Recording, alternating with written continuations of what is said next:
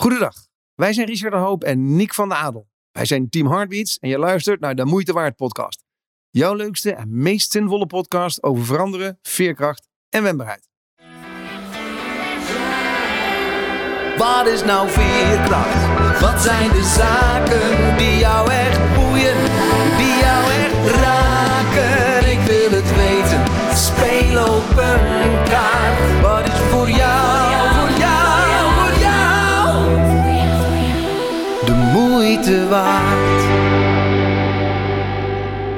Stel, je bent 24, je hebt zakelijk succes, je bent een jonge IT-ingenieur, het leven is goed. Behalve dan dat je geboren bent in de raamdonkersfeer, maar goed, daar kan je ook niks aan doen. Stel, je wordt de volgende dag wakker. Je wordt wakker in een Marokkaanse cel waar je te horen krijgt dat je daar 10 jaar moet blijven zitten. Van slapen tussen de weilanden van Brabant tot slapen tussen de kakkerlakken als sardientjes opgestapeld. Van een Bourgondische leefstijl naar eten dat je je vijand nog niet zou wensen. En van het veilige Nederlander naar een leven waar niks meer veilig lijkt. Maar stel dat je dat allemaal meemaakt terwijl je weet dat je onschuldig bent. Wat zou jij dan doen? Of sterker nog, wat kan je dan doen? Hoe neem je de ultieme verantwoordelijkheid over je leven terwijl je niet verantwoordelijk voelt voor de situatie waar je in zit? En dat is dan een keuze. Kan iedereen dit? We vragen het onze volgende gast, Jozef Oebelkas. Hou je vast, dit wordt een hele bijzondere uitzending. Yay! Groot applaus, hè, Jozef? Groot applaus. Ik moet zeggen, Hey, dit is een mooi. welkom man. Ja, dankjewel man. Ik, eh ja, dankjewel voor deze mooie aankondiging. Ja, Wat leuk dat je er eh, dat je doen hoor, Ja. uitzending. Maar. Zo, zo, is het, zo is het ook. Zo is het ook. Ja, Jozef, ik, ik vroeg je straks, hè, had je al een keer een podcast geluisterd? Dat had je al gedaan. En zoals je dus weet, beginnen wij elke week eh, met het positieve nieuws van deze week. Dus eigenlijk aan jou eh, ook de vraag: wat is je positieve nieuws van deze week? Van, vanuit mij persoonlijk bedoel je. Ja, ja. Eh, nou ja, ik, ik vind het echt ontzettend leuk dat mijn moeder de keuze heeft gemaakt om een nieuwe camera en een nieuwe laptop te kopen. Mijn moeder is echt iemand, ja, nee, nee, weet je wel, het is, het is te veel geld of wat dan ook. Ik zeg, ja mama, maar daar heb je toch geld voor? Ik bedoel, ze is getrouwd met die camera. Dat ding heeft ze nu bijna tien jaar. Hé mam, je, je mag jezelf af en toe echt even tracteren. Dat heeft ze gedaan en ze is helemaal happy. En eh, ja, daarmee ben ik weer helemaal happy. Dus eh, dat is even het eerste wat in me opkomt. Ik denk van mama, jij snapt het. Geniet ervan. En terecht. En terecht en terecht. En dit is, dit is precies wat ik bedoel. Ik word hier alweer vrolijk van. Ik, ik hoor nu al dat positief nieuws. Het gaat weer allemaal familiedingetjes worden. Hey Richard, wat is jouw positieve nieuws deze week? Eh, nou, ik weet eindelijk de recital datum van mijn, eh, van mijn zoon. Dus dat is eh 6 juni. Niemand mag komen kijken, ik wel. Yay! Maar nee, hij, doet, hij doet nu zijn, eh, eh, zijn master. En eh, nou, dat is echt geniaal. Hij ehm, zit op de Hogeschool van de Kunsten, eh, conservatorium en dan nu zang. Hij heeft dus al vier jaar die opleiding, eh, heeft hij zeg maar muziektheater gehad. En door COVID ja, hebben we gezegd van, joh, misschien is het handig om nog een, een master te doen. En die doet hij. En als je ziet wat training dus weer met de stem doet, onwaarschijnlijk. Dus ik ben heel benieuwd naar zijn recital. Dan moet hij een aantal solostukken gaan doen. Ehm, maar er zit meteen zeg maar, een soort van goed nieuws aan iedereen. Als je aan dingen traint, als je dingen aandacht geeft, dan groeien ze zo diep.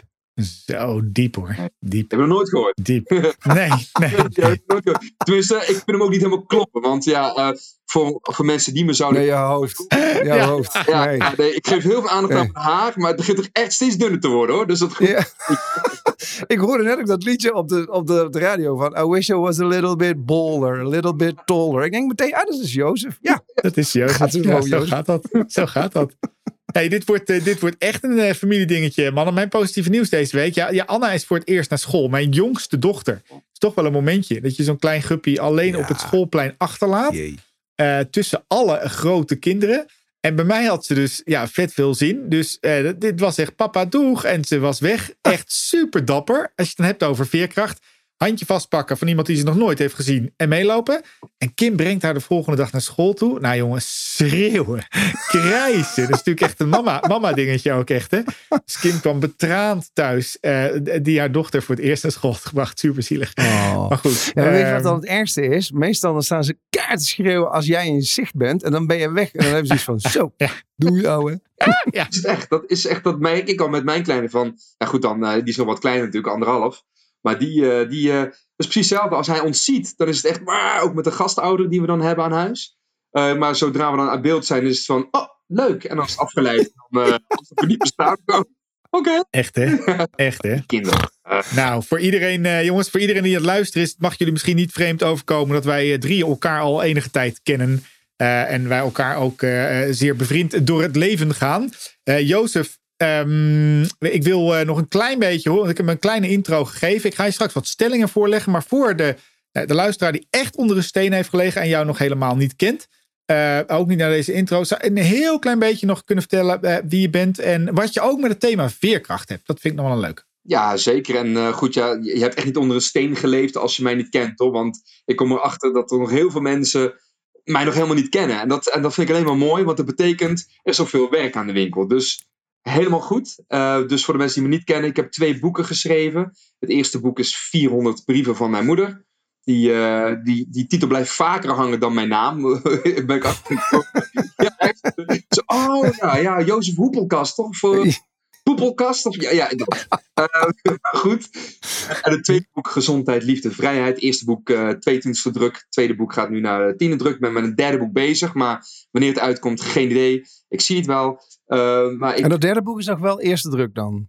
ja, want het komt... er ja, ja, ja, goed. Ik, ik merk enige jaloezie dat je... Dat je? Maar dat maakt niet uit, het is niet erg, joh. Ehm, eh, ik, heb, ehm, eh, ik mag fulltime als spreker nu eh, door het leven, net als jullie natuurlijk. En eh, ja, ik heb, ja, wat jullie ook in de aankondiging zeiden, ik had een heerlijk fijn leven daar in het Brabantse land. Het is misgegaan toen ik voor werk in Marokko zat. Tussen haakjes, land van mijn vader. Mijn moeder is Nederlands, mijn vader is Marokkaans. Ik ben zelf gewoon geboren en getogen. Gewoon in Brabantse land. Dus kijk hoe wij gaan praten in Brabants als ik wil. Maar doe ik dus niet voor de luisteraars. Maar eh, ja, en, en eh, ik kom aan eh, tijdens mijn werkronde bij een bedrijf. Daar was blijkbaar 8000 kilo drugs gevonden. De inval had al plaatsgevonden. Mensen in uniform, shotguns, pistolen. Ja, zwaailichten. Echt een hele scène uit een film. Terwijl ik er nog niet eens was. Hè? Dus ik kon pas later vragen wat er aan de hand was. En ehm, ja, toen eh, hoorden ze dat ik uit Nederland kwam. Ik moest meekomen. En eh, werd mij eh, de schuld in de schoenen geschoven. Dat ik dus verantwoordelijk was voor die ja, 8000 kilo drugs. Van een straatwaarde van 24 miljoen euro. En dan ben je een manneke van 24. En dan word je ineens vanuit het niets uit je comfortabele leven gerukt. En inderdaad, wat je zei in intro.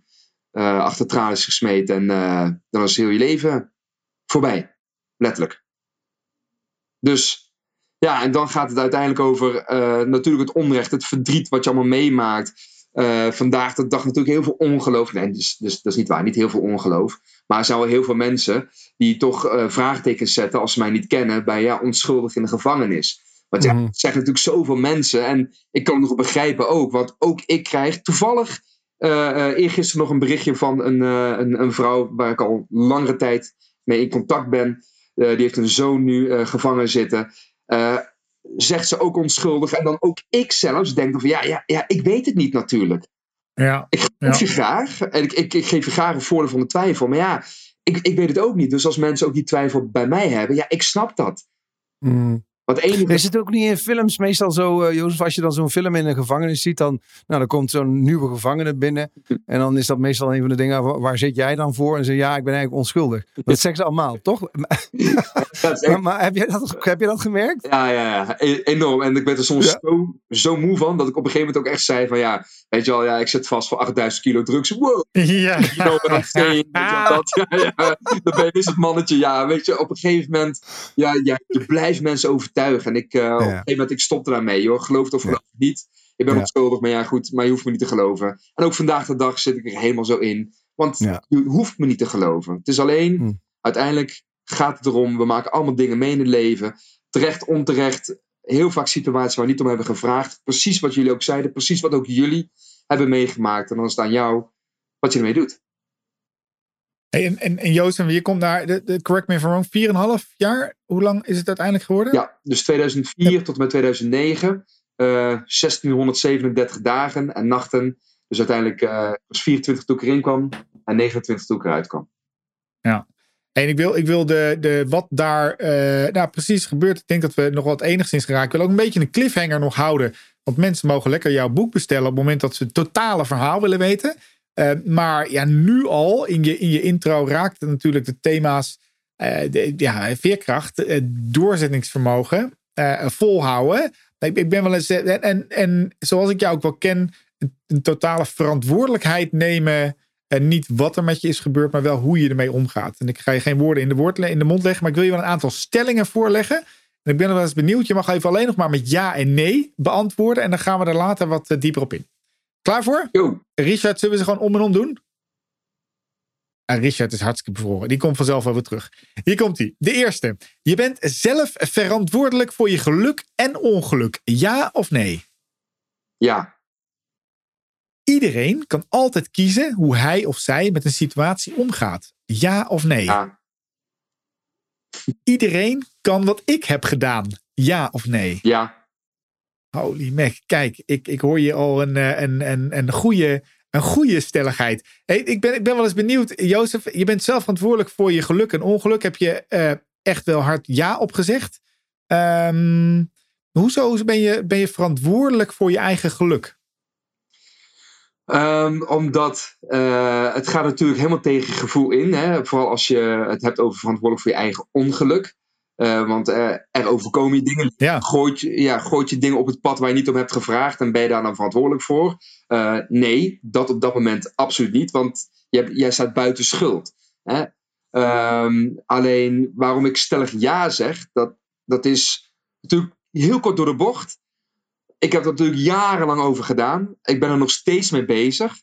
Is pas als jij snapt, pas als jij volmondig ja kunt zeggen tegen ik ben 100% verantwoordelijk voor mijn geluk en mijn eigen ongeluk. Als je dat echt doorhebt, dan mag je A. Natuurlijk nog wel eens verdrietig zijn over hetgeen wat je meemaakt in het leven. Dat je echt even de hele wereld de schuld geeft.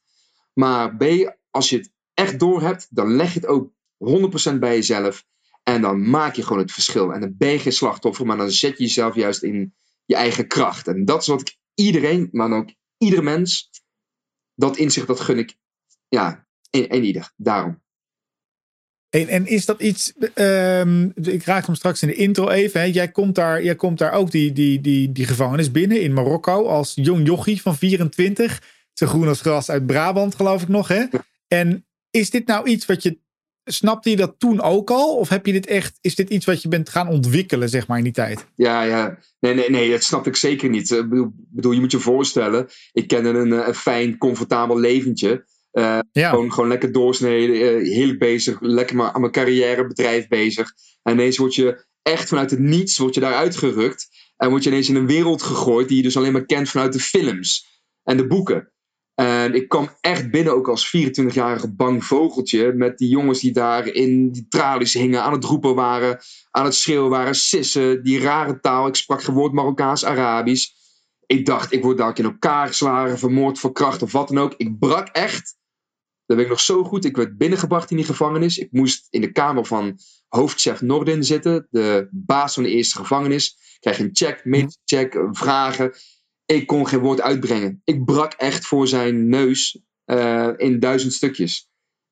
Ehm, dus nee, nee, nee ik, eh, dat is echt een proces geweest. En als je dat proces dan de belangrijkste stappen daarin pakt, hè? Want eh, ehm, dus, dus je, je lag in duizend stukjes. En eh, even dan fast forward naar nu. Als je dan een paar ja, markante punten eruit kan halen waarvan je denkt, ja, maar daar heb ik dus echt meters gemaakt in dat nemen van die verantwoordelijkheid. Wat was, wat was dat dan? Ehm, ehm, ja, ja, het is natuurlijk een lang proces. En een Mhm. paar punten die ik eruit pak. Op een gegeven moment eh, kreeg ik de eerste brief van mijn moeder. Die ook eh, ja, mij vertelde dat het goed komt. Mhm.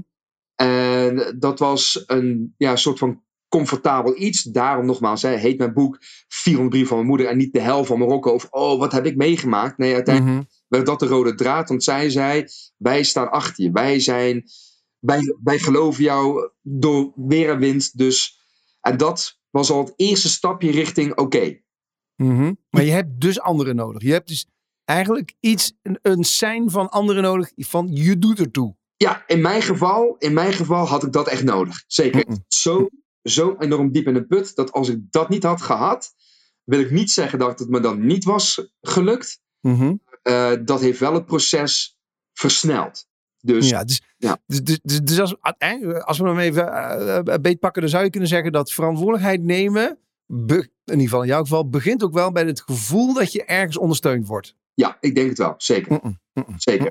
Oh, oh, oh, al- alhoewel ik natuurlijk zeg, het, het komt helemaal bij jezelf. Ja. Maar Er is Hmm. echt punt in het leven. Dan is het toch wel heel fijn als je in ieder geval één iemand hebt die jou ziet en jou eventjes, eh, waar jij even op kunt leunen. Mhm. Oké, dus da- daar, daar werden de eerste brokstukjes gelijmd. En, en als je dan nog verder kijkt, welke nog meer dan? Ja, kijk, hoofdchef Nordin. Hè, ik bedoel, ehm, ik, eh, ik kan me voorstellen dat er heel veel mensen zijn die zeggen: Ja, maar ik heb niemand. En eh, ik heb geen eh, fijne jeugd of geen fijne familie. Niemand in mijn omgeving. Hè, dat is ook een slachtofferrol aannemen. En niet dat ik het wegneem, hè, want ik kan me best voorstellen dat mensen echt alleen zijn. Maar ik wil vooral ook benadrukken dat het ook ehm, eenzaam voelen is. En als ik mijn moeder niet had gehad, ik had ook hoofdchef Nordin daar. En die hoofdchef Nordin, dat beschrijf ik ook natuurlijk, die, dat was al wel mijn eerste stapje naar dat, ehm, ja, het eerste stapje geluk binnen dat grote ongeluk. Dus hij zag mij Mhm. wel en hij wist al meteen van ja, maar dit klopt gewoon niet. Dit- wij, wij hadden hier iemand, een grote drugsbaron verwacht, met die 8000 kilo drugs. En ik werk al zeker er zo'n snotbriebel uit het raam, zo'n veer. Oh ja, ja, letterlijk dat. Echt, weet je wat, maar, dit klopt helemaal niet, joh. Ja. Dus, de, de, dus hij vanuit, vanuit zijn expertise, en dat zegt hij tot op de dag van vandaag, want ik ben nog steeds bevriend met hem, Mhm. eh, een paar keer naar Nederland gehaald ook. Maar hij, dus als ik mijn moeder niet had gehad, dan weet ik zeker, dan, dan was hij Ja. geweest Ja. die dan ophing. Dus ik wil dan ook weer de verantwoordelijkheid teruggeven, al heb je maar een begeleider, of al heb je een verzorger, of al heb je iemand, al is de postbode die één keer per dag even langskomt en, en hoor je zegt waar je misschien even een klik mee hebt, maar daar moet jij wel voor open willen staan. Mhm. En, en als, je, als je die lessen, wel nieuwsgierig ook voor de mensen die het luisteren zijn. Hè? Je hebt die lessen mogen leren in een, nou, die- in een tijd die ik niet iedereen eh, gun. Eh, eh, maar ik gun wel iedereen die lessen. Ja. Pas je ze nu, hè? Ik bedoel, je bent, eh, je, bent, je bent papa geworden, je hebt een kleintje, ook daar gebeurt wel eens iets mee. Je hebt ook nog steeds tegenslag in je leven. Pas je die lessen nu bewust toe? Of is dat iets wat je gewoon nu in je systeem hebt zitten? Dus hè, op het moment dat er nu tegenslag komt, ga je dan bewust omringen met mensen die je energie geven, zoals je moeder of, of hoofdchef Norden? Of, of is dat iets wat onbewust gebeurt? Ja, allebei denk ik. Eh, ik denk dat heel veel dingen onbewust gebeuren. Dus als ik iets meemaak, dat ik dan meteen kan schakelen. Omdat mijn brein al zo ge- hergeprogrammeerd is. Dat ik meteen denk van oké. in plaats van wat kan niet, wat kan wel. Eh, Ja. Maar er zijn ook wel momenten natuurlijk dat ik dan denk van oh. eh, ik ben blij dat ik mijn moeder nog heb. En dat ik even kan appen. Of dat ik even kan bellen. weer even resetten. Van oh ja, weet je wel. Dus ja, terugkomend op wat Richard ook net zei. toch fijn dat je mensen in je om- omgeving hebt. Eh, waar je toch af en toe even op kunt terugvallen. Ik denk, Ja, ik heb even een tussentijdse tussentip, jongens. Oh, daar komt die tussentijds tip. Ja. Kom maar door. Ja, want ik, eh, ik, eh, eh, ehm, die persoon hoeft geen echte persoon te zijn. Mhm, Zeker. Ehm, als Hoi. ik even dan ehm, eh, retrospectief naar eh, kleine Richardje keek. Ehm, ik had geen al te beste eh, relatie met mijn vader. En mijn moeder was, ja, in die jaren, die was gewoon overbezet. Dus die was volgens mij, eh, als je er nu naar terugkijkt, zou je zeggen burn-out. Dus ik ging ook heel vaak naar mijn andere moeder. Dus ik had gewoon een imaginaire moeder. En dan liep ik gewoon eh, de deur uit. Dus als ik iets niet mocht of zo, weet veel wat. eh, ik kreeg geen hulp of wat dan ook. Dan ging ik naar mijn imaginaire moeder. Dus liep de deur uit. En dan achter het huis was een, een bult. En daar achter die bult, zeg maar een hoop zand, eh, een zand- zandhoopje. En achter die eh, hoop zand heb ik enorme gesprekken met haar gehad. Dus ehm, in het geval je echt niemand kan vinden, bedenk er gewoon één. Eh, fake it until you make it. Oh. Mooi. Maar, wel, maar wel intens. Ik, eh, wel sneu ook natuurlijk. Het is wel, Toet- maar, maar goed, het is, Dit is heel sneu, ja, ik weet het. Ik heb ook, eh, mijn moeder heeft me nooit geen 400 brieven geschreven. Richard, je mag het best overnemen vanaf hier. Want ja, maar dit wist ik helemaal niet, Richard. Echt waar? Maar goed, maar- nee, maar even serieus. We zitten hier wel te lachen. Maar ik vind Ja. het wel... Ik bedoel, ik zit me nou in te denken... Weet je wel, natuurlijk helemaal sinds ik papa ben. Van, goh, als je toch zo'n klein manneke bent... En je kunt dus niet die steun vinden. En je gaat dus een imaginaire moeder. Ja, ik vind... eh, Wow, heftig. Nee, het, het is het ook. Ja. En het werkt. Dus dat is de andere kant. Want er zijn natuurlijk zat mensen. Eh, sowieso, kinderen zijn heel goed in imaginaire vriendjes, vriendinnetjes. En dus, dus kinderen hebben, hebben zo'n flexibele geest. Die kunnen, ik, ik zeg dus niet dat het goed is. Ik ga niet lopen eh, eh, eh, adverteren van jongens, een soort, ja, dat iedereen een imaginair kindje krijgt. Maar, maar Ja. eh, in je hoofd kan je natuurlijk wel dingen doen. Ik bedoel, Ja. we hebben het vorige keer hebben het bijvoorbeeld over, eh, over muziek gehad, wat dat kan doen. En muziek zijn ook niet meer en niet minder dan trillingen, die uiteindelijk je, je, hè, dus je brengt jezelf in een bepaalde staat. Ja. Dus ik, hè, als ik jou hoor zeggen van, iemand die in jou gelooft, kei belangrijk. Sta je nou echt voor dat die er niet is? Ja, bedenk er dan een godsnaam mee. Ja. Dat was mijn tussentijds tussenstip. En dat mag dus ook eh. God zijn of eh spaghetti. Ja, erop. Oh, ja heel goed. Ja. Ja, Ja, ja. Nou, ik, ik vind het een goede, Joost, omdat ik bij jou nog van voor kan stellen dat mensen ook zeggen van, hé, hey, ja, jij hebt die moeder gehad of jij hebt de sociale omgeving. Maar eigenlijk zeggen we dus ook, oké, ook al heb je die niet, eh, dan kan je daar nog steeds, dan kan je dat inbouwen, kan je ervoor zorgen, desnoods voorzien je hem. Ehm, en dat, raakt voor mij wel dat stuk verantwoordelijkheidsgevoel. Kijk, we, zitten nu met elkaar allemaal in een bijzondere periode. Zo een beetje aan het, nou, ik weet niet of het het einde van het COVID-staartje is. Maar goed, we hebben allemaal een, een, een bijzonder jaar achter de rug. Ehm, vind jij dat wij als, als samenleving ook minder verantwoordelijkheidsgevoel hebben voor wat ons overkomt? Eh, ja, weet ik niet. Oké. ik, ik, ik vind wel, eh, precies wat je ook net zei, dat eh, ik, ik, ik hoor vaker mensen zeggen van ja, ja, maar jij hebt zijn moeder. En dan, dan, dan, dan raakt het mij wel een beetje, ja, dan ga je dus mijn moeder gebruiken als excuus voor jouzelf, dat jou dus niet lukt. En daar wil ik echt van af. En ehm, ik, ik kan niet voor de samenleving spreken. Ik kan wel af en toe dat ik dan merk van, goh, serieus, eh, hebben, hebben we nu echt zo'n moeite met deze lockdown? Maar dan pak ik het meteen weer terug, want eh, ik kan niet voor iemand anders spreken. Ik kan alleen voor mezelf spreken. En ik heb natuurlijk, ja, als we praten over lockdown, wat afgelopen jaar zo vaak is gezegd, ja, ik heb er een andere referentiekader bij. Wat nou lockdown? Serieus? Ga je het nou nog zwaarder maken in je hoofd dan nodig is? En dat hoeft niet. En ja, goed, maar nogmaals, ik praat voor mezelf, want ik heb een ander referentiekader. Ik bedoel, ik, Hmm. ik heb volgens mij in een echte lockdown geleefd, waar je jarenlang eh, van maandag tot met zondag, minuut na minuut, gewoon opgesloten zit in een hok van vier muren, waarbij iemand anders de sleutel heeft, eh, die dus voor jou bepaalt wanneer die deur open gaat. En dat is mijn lockdown. En dat hebben we Hmm. niet meegemaakt. Nee. Dus oké, als, we nou, als we kijken, wat je zegt, iemand, iemand in je omgeving. En nou, we hebben eh, samen bedacht dat het mag ook een imaginaire of een, hè, nou ja, wat dan ook zijn. Welke andere stappen heb jij nog gemaakt waardoor die duizend stukjes toch weer die mooie kerel hebben gevormd die er nu zit? Ik denk dat ehm, eh, in die brief van mijn moeder, hè, wat ik net al zei, die eerste brief, dat zij me ook zei eh, van goh, eh, ga je heel bewust verzorgen.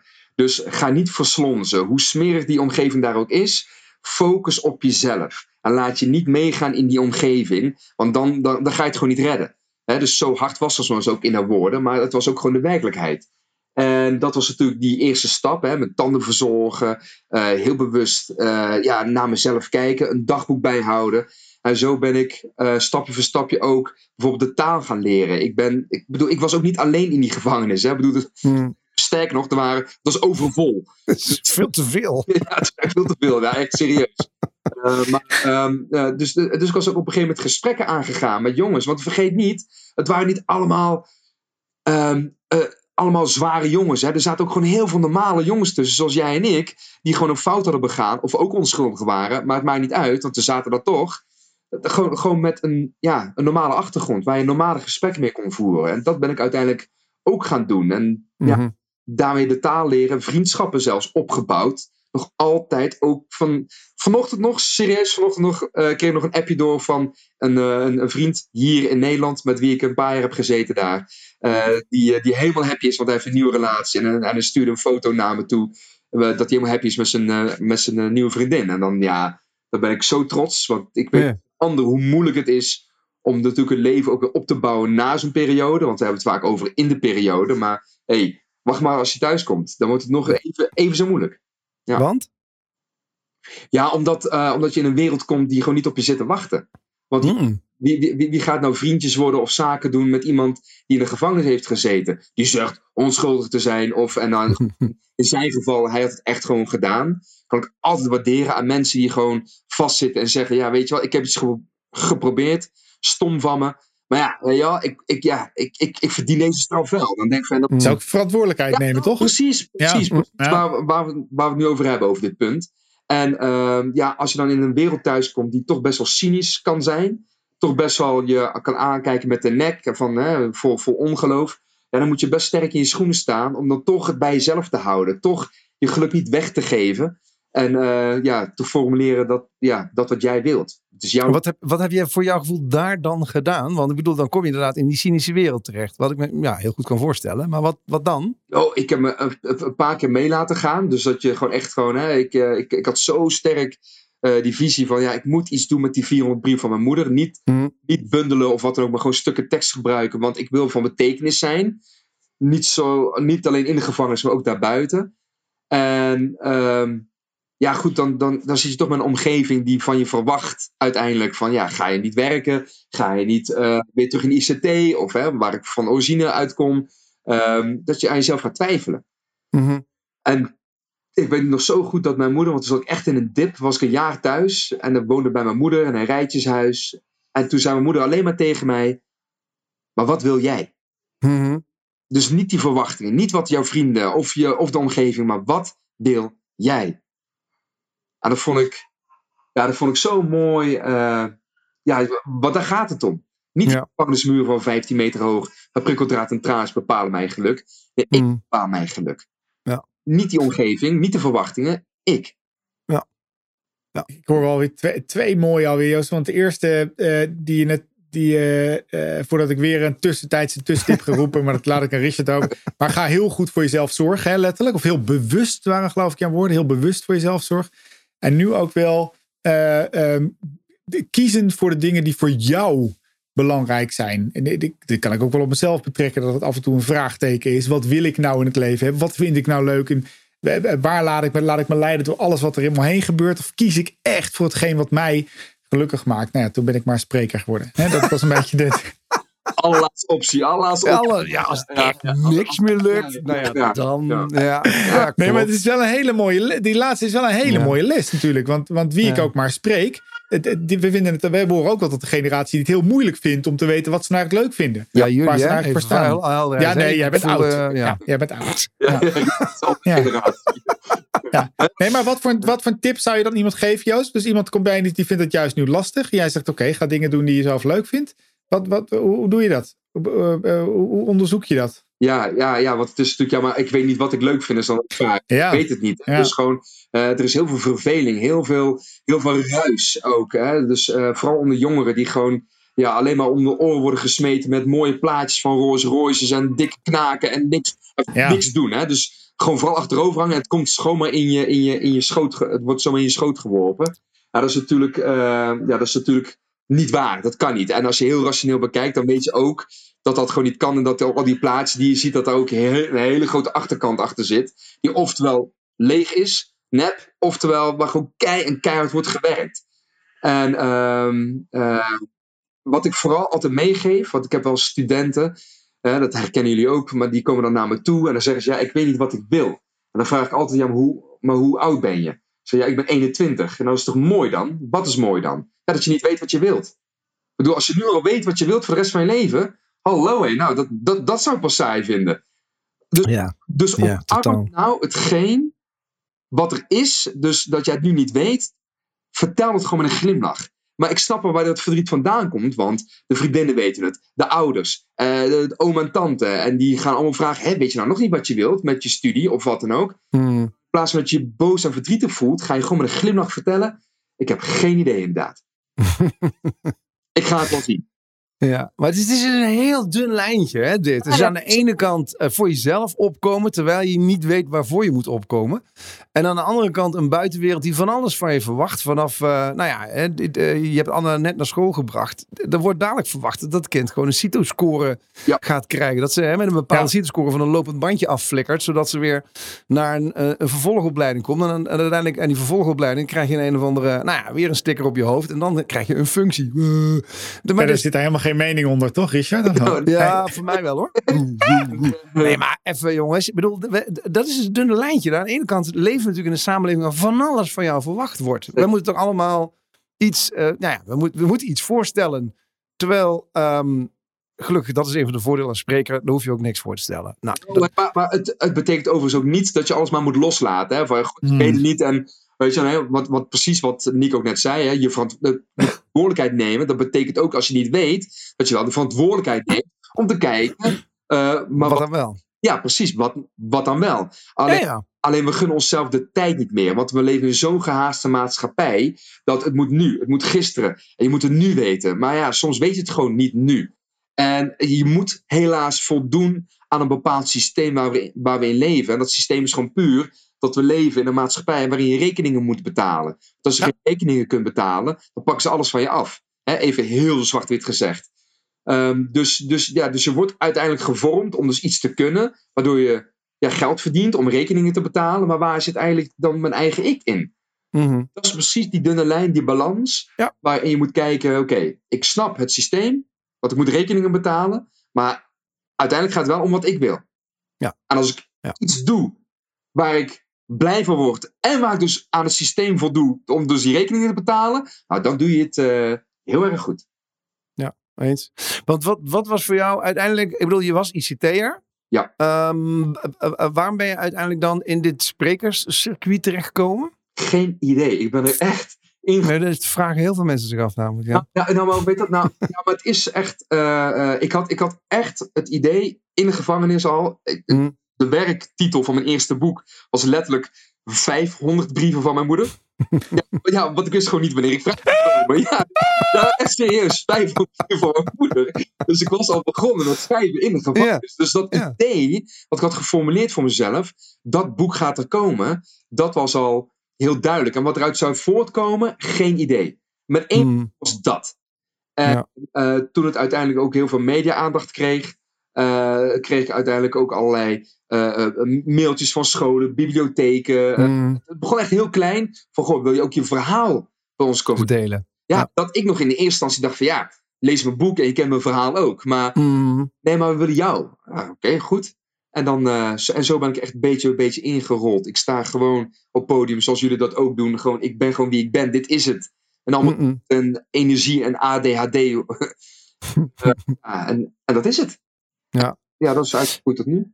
Ja, nee, maar goed, dat is ook, ik- ook dat, hè. Eh, Ik, denk dat het ehm, eh, ook dat belangrijk is in je leven om nieuwsgierig te blijven naar de vraagtekens in je leven die komen. Die nieuwe vriend, die nieuwe vriendin, die nieuwe partner, dat, die nieuwe hobby. Ehm, eh, dingen komen niet instant, maar als je ver vooruit kijkt, zie je natuurlijk heel, tenminste daar ben ik altijd benieuwd naar geweest. Ik heb dat ooit geleerd ook van iemand die zei, eh, daar waren we met, met eh, eh, in die tijd had, eh, ik een bedrijf.